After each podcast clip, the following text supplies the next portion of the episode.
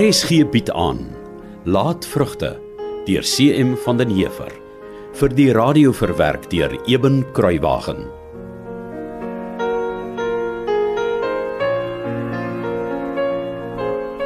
Is die lente nie pragtig nie, Maggie? O, dit is oom. Baie mooi, ja. Jy weet, Ja, oom Sybrand. ek het al baie lenteoggende soos hierdie een gesien. Maar nie een was of ooit vir my so helder en so mooi nie. Ek wonder hoekom sou dit wees.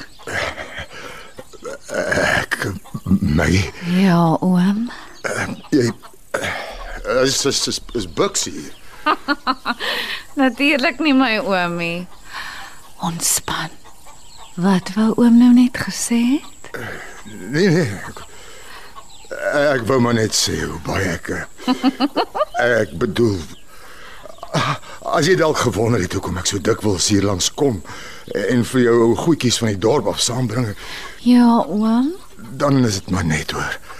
Ek eensaamheid verstaan. Och, ek hou van 'n man wat 'n vrou verstaan. Weet oom dit? Ja, ek ek, ek, ek bedoel ek is bly. Ek het 'n man nodig wat my verstaan, oom. Oom weet wat ek bedoel, nê? Nee?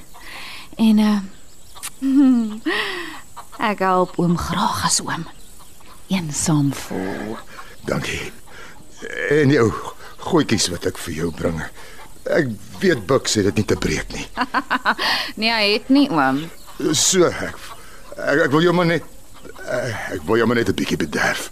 Vir jou dankie sê vir alles wat jy vir my beteken het die afgelope ruk. Ai. Ek kan nog baie meer vir oom beteken as oom wil. O. Oh, dankie. Wil oom? Hmm. Eh, Ja, ek ek, ek, ek bedoel eh, wag net eers 'n bietjie.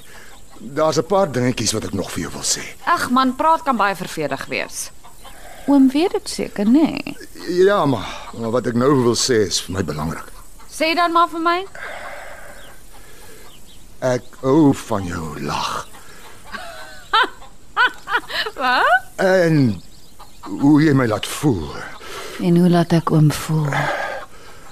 of jy alles in my net maak.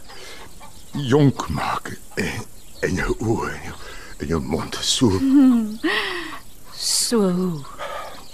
mooi, betowerend.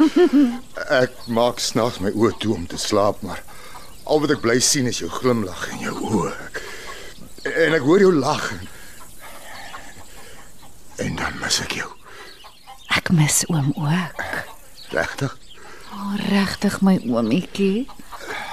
Gister toe jy vir my die bordjie ingelegde vrugte ingeskep het, het jy oor jou skouer vir my gekyk en geglimlag. Ek het. Ek sal dit nooit vergeet nie. Dit was die mooiste prentjie wat ek nog ooit gesien het, Maggie. Nog ek's bly oom dink so. Ek's baie bly.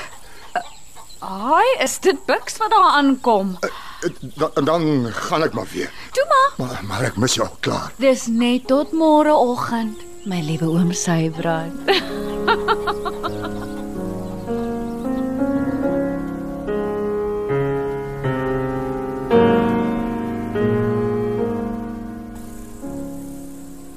Om Sybrand weet, die eerste ding wat ek raak gesien het destyds toe ek vir die eerste keer Boskloof toe gekom het, was die pragtige populiere.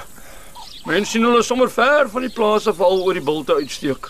Ek sal dit nooit vergeet nie. Ja nee, dis my trots. Hulle staan al geslag te lank hier. En veral as hulle so groen en blink uitloop in die lenteson. Mm. O, oh, is daar niks mooier nie. Dis waar oom. Ek verstaan net nie wat met die twee gebeur het nie. Die twee grootste populiere van almal was soos bakens op boskloof. En as hulle skielik dood. Dink oom dis dalk 'n ouderdom of of 'n skielike siekte. Ek weet nie. jong. Ek vra vir myself af hoekom jy's hierdie twee en hoekom terselfdertyd. Is dit nie vir jou ook vreemd nie? Ja, en nou dat oom dit noem, dit is nogal, né? Het oom dalk 'n idee wat kon gebeur het? My kontensie is dat hier altyd met 'n kwaaddoener aan die werk was. Oom bedoel iemand het die bome gif gegee. Ja. Dis presies wat ek bedoel. Maar wie sou dit wil doen en hoekom? Daar's net een sleghalter wat kapabel is om so iets te doen. Wie oom? Die ou mankbeen hierbo, Oom Jaap. einste. Hoekom dink hom dis hy? Want hy's my aardsvyand wat enigiets sal doen om my te na te kom. Dis arm vreeslik oom. Ek meen, wat kry hy tog reg om twee pragtige populiere dood te maak? Ja, jou korrelkop wil wraak neem, dis wat. Maar wat het oom aan hom gedoen? Ha, oh, hy beskuldig my gedurig van allerlei goed. As ek nie sy water gesteel het nie, het ek sy vee laat skud. En het oom Al is nie nou te sake nie. Maar die jongste beskuldiging is dat my seun sy dogter in die moeilikheid gekry het. En natuurlik het ek hom met perdekar en al van my werf afgejaag nou die dag toe hy met die absurde aanklag by my aangesit gekom het. Ja, ek het nie geweet oom se seun en oom Jaap se dogter het by mekaar gekuier nie. Pog storie man. Pure versinsel. Hoor hy nie sy kind ordentlik om grootmaak nie, wil hy sommer sy probleem nou myne kom maak. Ja, oom. Maar jy moet net sien. Ek maak al my planne van lank se tyd af. Wat se planne oom? Sommer groot planne. Jy het nou gesien hoe ek al die hele boskloof net myne gemaak. Ja, oom.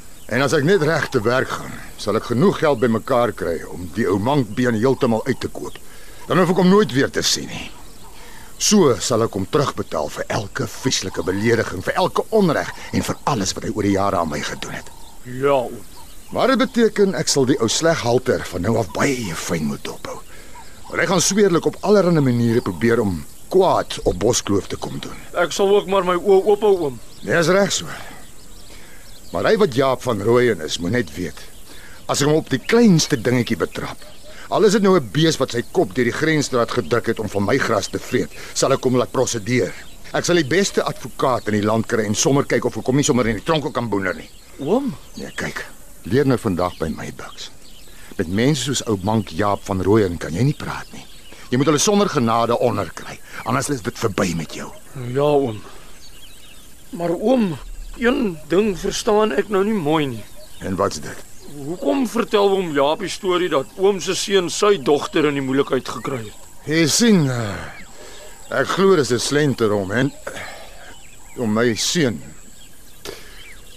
om my seun in 'n val te probeer lok om met sy dogter te trou. Hoekom oom? Wel jou skelm raai seker my seun gaan Boskloof erf. En natuurlik sal dit vir hom 'n perfekte plan wees as die twee trou. Want so 'n huwelik sal die ou bankrotspil daarbo weer uit die modder trek. Sal dit goed wees vir Boskloof oom? Wat vir? En dan sal 'n aap wees as hy dit doen.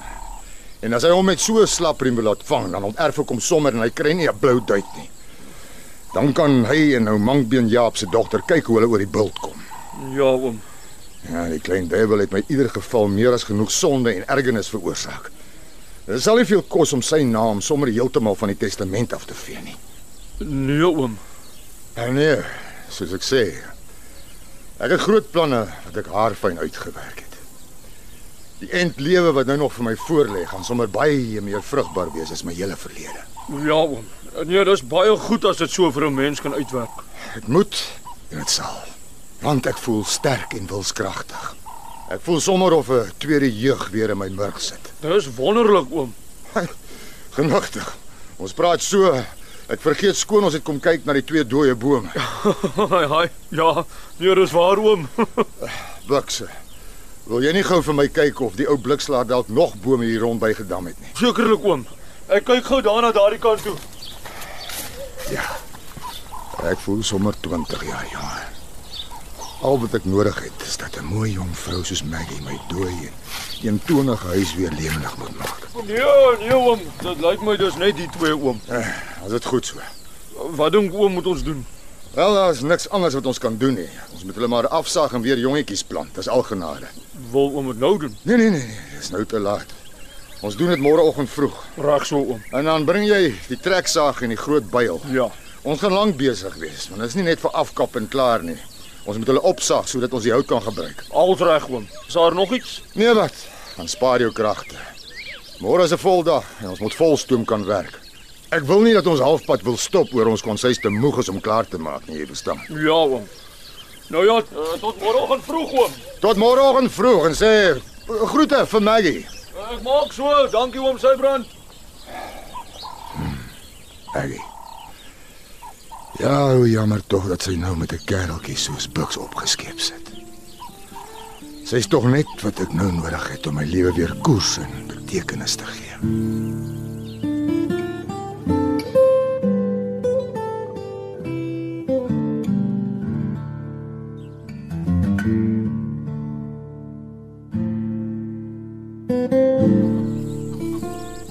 Gaan jy nie was nie. Maar ek het dan nou net by die huis gekom, Maggie. Jy stink na sweet en stof. Geen mens kan in so 'n geselskap sit nie. Ek sal nou gaan. Ha. Waar kom die tafelkleedjie vandaan? Ons het nie geld vir sulke goed nie. Die ou man het dit vir my gegee. O. Oh, laas keer was dit die vrugtebak.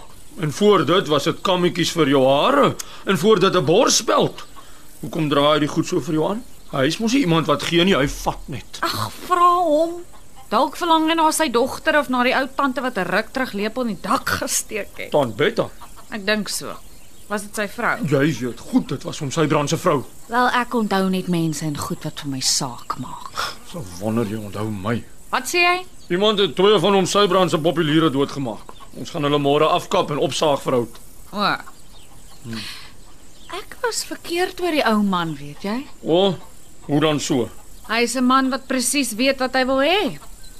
En hy vat ook net wat hy wil hê. Hy's sterk. Wat probeer jy sê?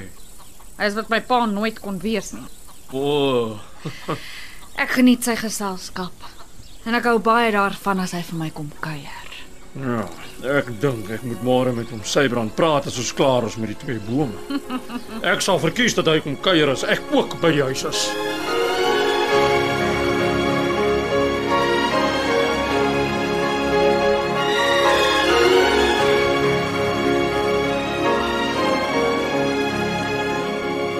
Die afgelope week in Laat Vrugte het hierdie stemme gehoor van Johan Stassen, Rolien Daniel, Pierre Nelson, Sintyn Skutte, Andrei Weideman, Gina Asante, Johnny Combrink en Petrus de Pre.